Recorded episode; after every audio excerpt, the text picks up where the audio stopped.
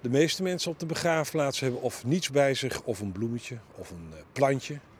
Maar een uh, fles jenever en een borrelglaasje voor een graf, dat kom ik niet vaak tegen.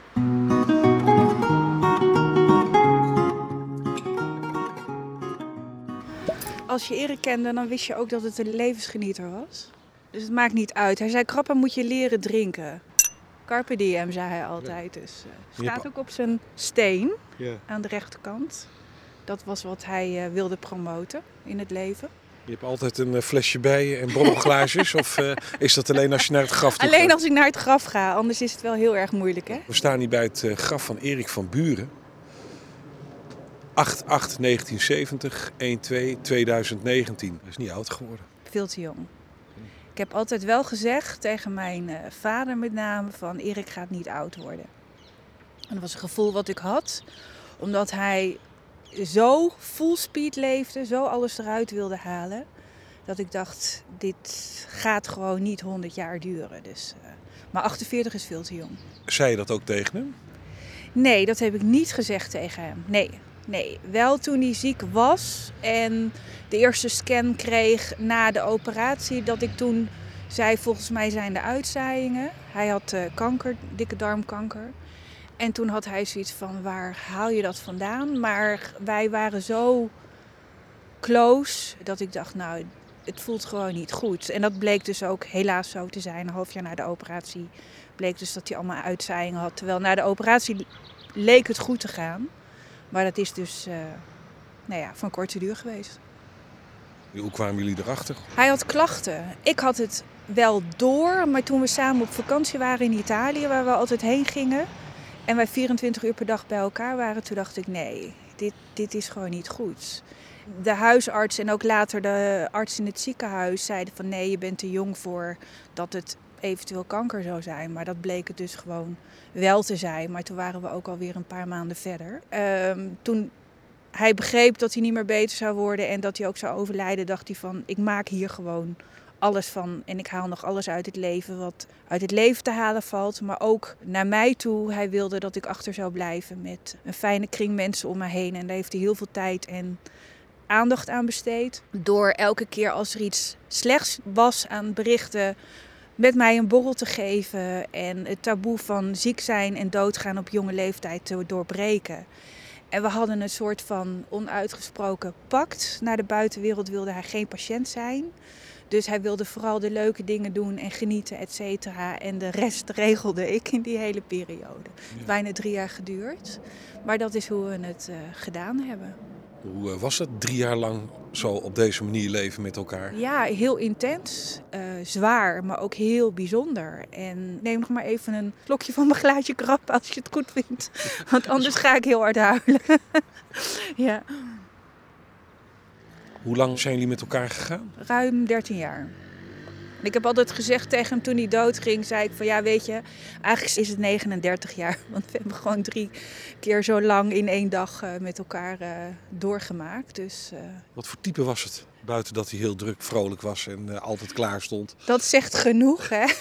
hij was recruiter, hij werkte voor zichzelf. Hij doorzag mensen um, direct. Dat was niet altijd even gewenst in zijn werk. Want dan dachten ze waar haalt hij dat vandaan. Maar het klopte altijd wel zo zei hij tegen mij ook, nou ja, een paar uur praten. En toen hij bij mij thuis kwam, trok hij de ijskast uh, open. En toen zei hij, ja, bij jou kan ik wel blijven. Toen dacht ik, wat is dit voor een maloot? Maar toen ik hem beter leerde kennen, begreep ik wel wat hij bedoelde. Gevoelsmens, dat is het. Maar dat ben ik ook, alleen hij was meer uh, extravert. En hoe hebben jullie elkaar leren kennen? Op een uh, oud en nieuw feestje van een van mijn beste vrienden. Waar ik elk jaar oud en nieuw vierde. En toen zei hij, ja, er komt wel een vrijgezelle man vanavond. Maar ik weet niet zeker of ik je daaraan moet voorstellen. dat was niet nodig, want we zagen elkaar en toen zijn we in gesprek geraakt en nooit meer opgehouden. Dus, uh... Maar wel op latere leeftijd dus ontmoet. Ja, klopt. klopt. Maar we hebben, hij heeft wel daarvoor samen gewoond. Uh, ik heb ook relaties gehad. Maar het maakt niet uit. Op een gegeven moment kom je iemand tegen en dan weet je dat het goed zit. Ja, wat is het verschil met al die andere liefdes die jullie hebben gehad? Dat we elkaar zagen. Vanaf ja? moment één hielden we van elkaar. Dat heb ik hier ook bij het graf gezegd. Uh, toen hij werd begraven. Vanaf het moment met al onze verschillen hier hielden we van elkaar. We zagen elkaar gewoon. Hoe lang van tevoren wist je eigenlijk van dat het echt helemaal klaar was. Ja, toen er na een half jaar uitzaaiingen waren, dan ga je een soort palliatief traject in. Of een soort, het palliatieve traject. En dan is het een kwestie van uh, nou ja, tijd rekken. Dat zou gemiddeld een jaar of vijf zijn, maar bij Erik werkte dat natuurlijk anders en minder goed en minder lang. Ik denk na anderhalf jaar, twee jaar wisten we dat het echt afgelopen zou zijn. En toen heeft hij het ook nog zo lang mogelijk met al zijn energie en inspanningen gerekt. Hoe ging hij er dan mee om? Hij heeft heel veel verdriet gehad. Hij is ook positief en optimistisch, is bewust gaan nadenken van Um, hij kwam op een gegeven moment thuis. Hij liep heel veel, sowieso altijd, om rust in zijn hoofd te, te, krijgen. En toen zei hij, ik heb erover nagedacht, maar er is eigenlijk maar één ding in het leven zeker. Daar kom je niet onderuit. En dat is dat je gaat overlijden. En hij zegt, ik had graag langer geleefd en ik heb het zo naar mijn zin hier. Maar het is niet anders. En dat vond ik wel heel erg bijzonder. Daar heeft hij mij in ieder geval ook wel heel erg mee geholpen. Door in feite te berusten in dat hij zou overlijden. En ik denk dat dat misschien ook iets is wat de natuur uh, doet. Um, dat als je weet dat je overlijdt, dat je ja, daarmee om leert gaan. En we hebben altijd over alles gesproken. En ook het verdriet gedeeld en de woede. En, en... Maar die woede was uiteindelijk niet zo heel erg aanwezig bij ons. Wel het intense verdriet dat we elkaar uh, moesten laten gaan. Maar uh, ja, je doet het samen. Wij hebben het samen gedaan. En dan, dan is het toch ook een hele mooie, intense periode. En hij heeft zo zich gerealiseerd dat ik alleen verder moest. Dat, die, ja, dat de vrienden die om ons heen staan en nog steeds heel erg om mij heen staan. En dat is wel heel fijn. Dat is echt een cadeau van hem. Ja.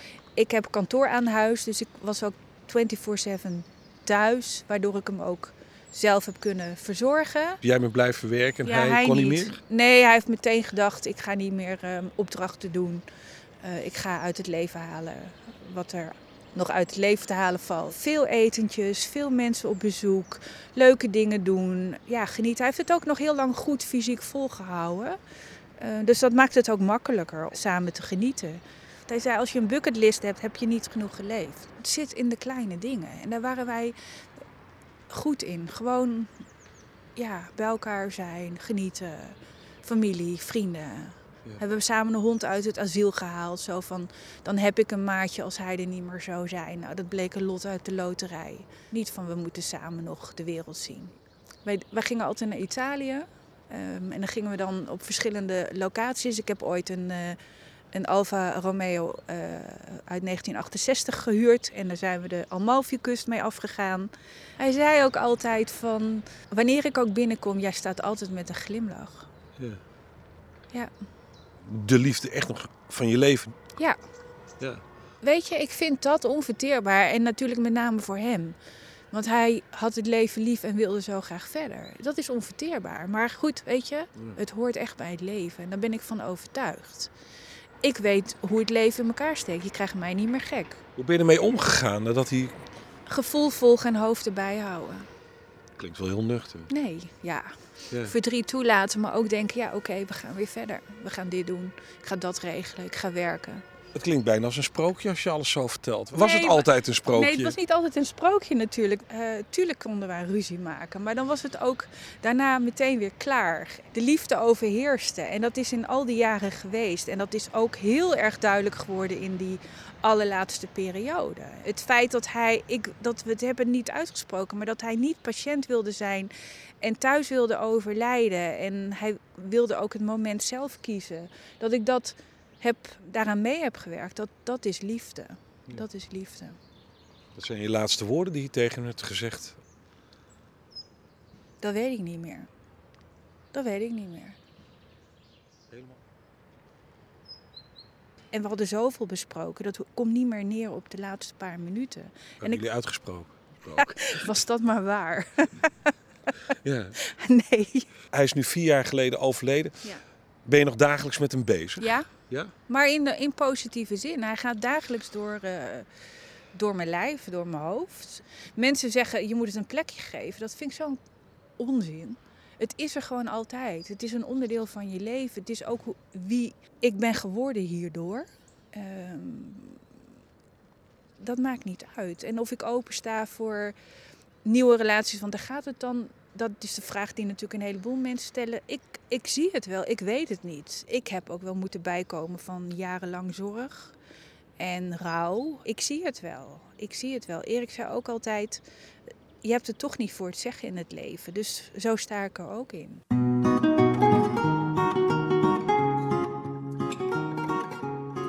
Ik kom uh, voor Gerson Francisca, dat is mijn partner geweest. In uh, 2009 is hij overleden. Een heel bijzonder graf, hè? Het is half steen, half glas. En je ziet uh, zijn gezichten in het glas, hè? Ja, voor gekozen. Het is eigenlijk, uh, ja, zodat we hem eigenlijk ook nog wel kunnen zien. En een mooie tekst erbij. En hier, hoe vaak kom je hier? Nou, eigenlijk niet meer heel vaak, omdat ik gewoon merkte dat ik gewoon het niet kon verwerken. Dus ik, uh, vandaag dacht ik, hey, het is weer een mooi moment om te komen. En ik moet zeggen dat ik afgelopen jaar iets vaker ben geweest dan normaal. Puur voor verwerking, dat ik dan minder kwam. Je had Ja. er echt moeite mee. Ja, ik had er heel veel moeite mee. Absoluut. Want wat is er gebeurd? Nou, hij, is, uh, hij is vermoord. Dus uh, ja, en dat heeft een rechtszaak van vier jaar hebben wij gehad en uh, plot. Dus dat was, uh, het hakte erin.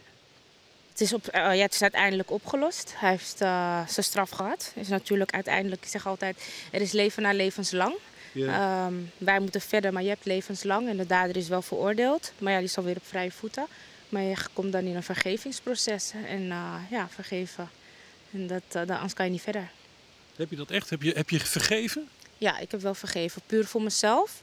Om verder te kunnen gaan en uh, om rust te vinden. Weet je, anders vind je geen rust. Maar wat is er gebeurd? Nou, hij is uh, eigenlijk voor de deur van huis is hij, uh, neergeschoten. Ja. ja. Werd hij bedreigd? Ja, dat is een heel lang verhaal van bedreigd. Ik denk dat was een opstootje van een paar weken wat speelde en dat is fataal geworden. Ja, hij was portier. Dus uh, het is heel anders gelopen dan uh, we allemaal hadden gehoopt. Het ging ook echt om niks. Ja? Ja, absoluut. Ik denk dat het voornamelijk ging om, ja, is iemand jong en um, ja, dat is mijn gedachtegang. Hè?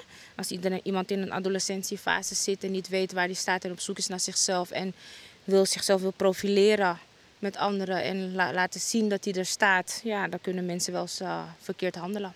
En dat kan voor nabestaanden heel zwaar zijn. Was je thuis? Ik was thuis. Ja, ik heb het gehoord. Ja. Wat, gebeurt er dan met je? Op dat moment, um, je weet niet wat er gebeurt. Je wordt gewoon geleid. Je rent, ik ren naar beneden, weet je wel. Je belt en je staat er. Je reanimeert, je belt 112. Het is onwerkelijk gewoon. Het is een onwerkelijke situatie. En waar ik heel lang nog in heb gezeten. Voordat ik eruit kwam. En je wordt geleefd. Je leeft niet meer. Ik denk dat ik mijn breaking point in 2012 wel heb gehad. Dat ik echt instortte na de rechtszaak en dat ik echt uh, onder de douche echt begon te schreeuwen. En echt dacht van, uh, ik heb hulp nodig. Nu moet ik uh, aan mezelf denken, ik heb hulp nodig, ik moet in therapie. Ik kan dit niet. Nee, je maakt me emotioneel nu, ja. Hoe lang ben je in therapie geweest? Ja, ik denk dat ik 2012 ben ik geweest en dat heeft denk ik een half jaar geduurd. Maar dan moet je gewoon zelf aan de slag. Um, nou ja, het leven gaat door, dus je gaat op een gegeven moment, je blijft werken, je blijft de dingen doen. Um, je blijft dingen, probeert dingen positief te zien in het leven. En ik moet zeggen, in 2018, 19 uh, raakte het me weer. En merkte ik dat ik toch een stukje niet goed had verwerkt. En uh, toen heb ik een EMDR gehad. Wat is dat? Dus, uh, nou, het is eigenlijk dat je teruggaat in de tijd. En echt ja, een best wel intensieve therapie eigenlijk. En dat heeft mij wel heel erg kunnen helpen om... Uh, ik wist niet dat ik een stukje niet had losgelaten. Ik ben maar doorgegaan totdat ik merkte dat er patronen waren in mijn leven. En dat bracht me terug naar het moment bij hem dat we uh, het, ja, eigenlijk moesten zeggen dat de stekker eruit moest. Want hij was hersendood. Ja. ja. Hoe oud was jij? 27. En hoe oud was hij? 28. En hoe lang kenden jullie elkaar al? Zes jaar. Dat was je grote liefde? Ja, zeker. We hadden wat moois. Ja, ja, ja we hadden wat moois. Hoe hebben jullie elkaar leren kennen? In de discotheek. Waar hij werkte. Ja, dat was wel uh, ja? Heel, ja, was een mooi moment. Ja. ja, onze ogen vielen op elkaar en zo zijn we in gesprek geraakt eigenlijk. Was liefde ja. op het eerste gezicht? Kan je wel zeggen. Ja? ja, ja. Mooi ja. toch? Ja, zeker. Wat voor persoon was het? Gerson was iemand die, hij hield van gezelligheid. Hij hield van mensen om zich heen te hebben. Um, ja, hoe meer zielen, hoe meer vreugde eigenlijk. Muziek stond voorop. Werken stond voorop. Hij was boekhouder, uh, daarna was hij portier. En ja, hield van zijn familie, van zijn vrienden. En dat was voor hem belangrijk. Ja, als je zo naar hem kijkt, dat, kan hem goed zien. Hij heeft echt hele stralende ogen. Een goed lachse kerel volgens mij. Ja, dat, uh, dat was het ook zeker. Ja. voor persoon, ja. Ja, hij bracht echt vreugde in huis. Ja. Wat heeft hij voor jou betekend? Veel. Het was mijn maatje, het was mijn partner. Uh, hij was uh, iemand met wie ik kon sparren. Hij heeft heel veel voor mij betekend. Hij heeft mij ook na zijn overlijden um, laten zien hoe het ook anders kan in een relatie. Je gaat de dingen um, anders waarderen, laat me het zo zeggen. Zoals wat? Nou, ik vind dat de dingen niet meer uh, vanzelfsprekend zijn. Dingen die een man doen en, doet. En um, de mannenenergie is ook heel anders. Wij vrouwen, vooral in Surinaamse cultuur, zijn best, uh, we staan. Maar een man heeft ook een stem. En hij had ook een stem daarin. En ja, als je dan denkt aan een aanraking, weet je, die iemand doet op dat moment dat je op de bank zit en je denkt van hé, hey, je hebt er even geen zin in, dan is het wel iets dat je denkt van hé, hey, wacht even, wat wil hij hiermee zeggen? Dus ik sta nu wel wat meer stil bij de dingen die een partner zou doen. Absoluut. Ik heb er wel wat van geleerd. Ja. ja. Vind je het moeilijk om hier te zijn, nu in je eentje? Nee, ik heb uh, van de week sowieso had ik besloten om hier naartoe te komen. Dus vanmorgen toen ik opstond, je blijft wel denken aan het moment, het tijdstip dat het is gebeurd. En denk van oké, maak er wat moois van, weet je. Ga niet in de verdriet hangen, probeer de vreugde uit te halen. Um, dus ik ben ook positief hier naartoe gegaan en ik was op zoek naar plantjes. En nou ja, ik, vond niet, ik had niet gevonden wat ik zocht. En toen ben ik ergens anders naartoe gegaan, het tuincentrum. En toen dacht ik, dit is het, dit neem ik mee. Hij hield van paars, dus er zit wat paars tussen. ja, dus, geeft dat een goed gevoel als je hier komt en uh, nu weer hier staat, wat je lange tijd niet had kunnen doen? Ik moet verder, echt verder, gewoon ja. goed verder. En er is veel gebeurd en ik heb in een heel lang verwerkingsproces gezeten. En ik voelde in 2019 eigenlijk al dat het goed genoeg is na mijn EMDR. Het is goed zo. Ja? Ja, het is goed. En uh, er gaat om, gaan ook deuren open. Het is goed nu, het is oké. Okay. Je gaat dan wel bij het graf zitten en dan praat je nog met hem. Dan krijg je antwoord ook? Heb je dat gevoel? Dat gevoel heb ik wel, ja. ja? Ik voel wel dat als ik hier zit, het is vandaag heel anders, um, dat de wind waait, weet je wel. Dat hebben we nu ook, maar het zonnetje schijnt of een straaltje komt binnen. En dan, ja, bedank ik wel. Ja, dank je wel. Dank je wel dat je er bent. En ja, ja ik geloof niet zozeer dat, dat, um, dat ik daarvoor hier bij het graf moet zijn. Um, ik geloof dat die overal is, weet je wel. Dat, dat de spirit er wel is en dat is oké. Okay. En het is puur dat ik hier kom. Ik maak het even schoon. Um, wie vandaag wil komen, zal komen. Weet je wel, het is vrij en open voor een ieder. En, uh, maar dat het er ook wel even netjes bij staat. Wat bespreek je nou met hem bijvoorbeeld als je hier staat? nou, eigenlijk ook wel um, de afgelopen keer kan ik het wel zeggen over hoe dankbaar ik ben geweest. Voor zijn uh, aandeel in mijn leven en voor mijn kinderen. En um, wat hij mij heeft gebracht. En dat hij me wel heeft laten nadenken over het leven. Ik was jong. Um, ik ben nu elf jaar, we zijn elf jaar verder. Maar ik ben absoluut uh, stil gaan staan bij heel veel dingen. Maar dat ik ook wel voelde van, oké okay, Gersom, het is nu klaar dat ik iemand ga ontmoeten. Gewoon serieus ga ontmoeten. Ja. Dus dat is ook wat ik ga doen, dat gesprek. Ja. Want jullie hebben wel samen kinderen? Nee, we hebben geen, we hebben geen kinderen samen. Um, ik heb daarna heb ik ja, wel eens iemand ontmoet, maar serieus ontmoet dat ik zeg van hé, hey, nu ga ik me hiermee ga ik me mee settelen. Dat is niet geweest, maar dat zit er nu wel redelijk goed aan te komen. En wat heb je aan hem gevraagd? Of je de deur kan opengooien. En niet meer een kiertje, maar gewoon opengooien. En dat heeft hij gedaan? Ja. ja? dat is toch mooi? Ja, absoluut. Je moet toch ook weer verder. En dat zal hij waarschijnlijk toch ook gewild hebben? Heeft hij ook gewild. Dat weet ik wel. Ja, hij heeft altijd wel tegen me gezegd dat het moment dat wij niet meer samen zijn, zoek ik een partner voor jou. Dus toen zei ik tegen hem, dat heb jij mij beloofd. Dus ik verwacht dat nu ook. Ja. Je staat hier in ieder geval wel, met nog, wel weer met een wat beter gevoel. Zeker, ja zeker. Ik kan, uh, ja weet je, de situatie was heftig. Maar je gaat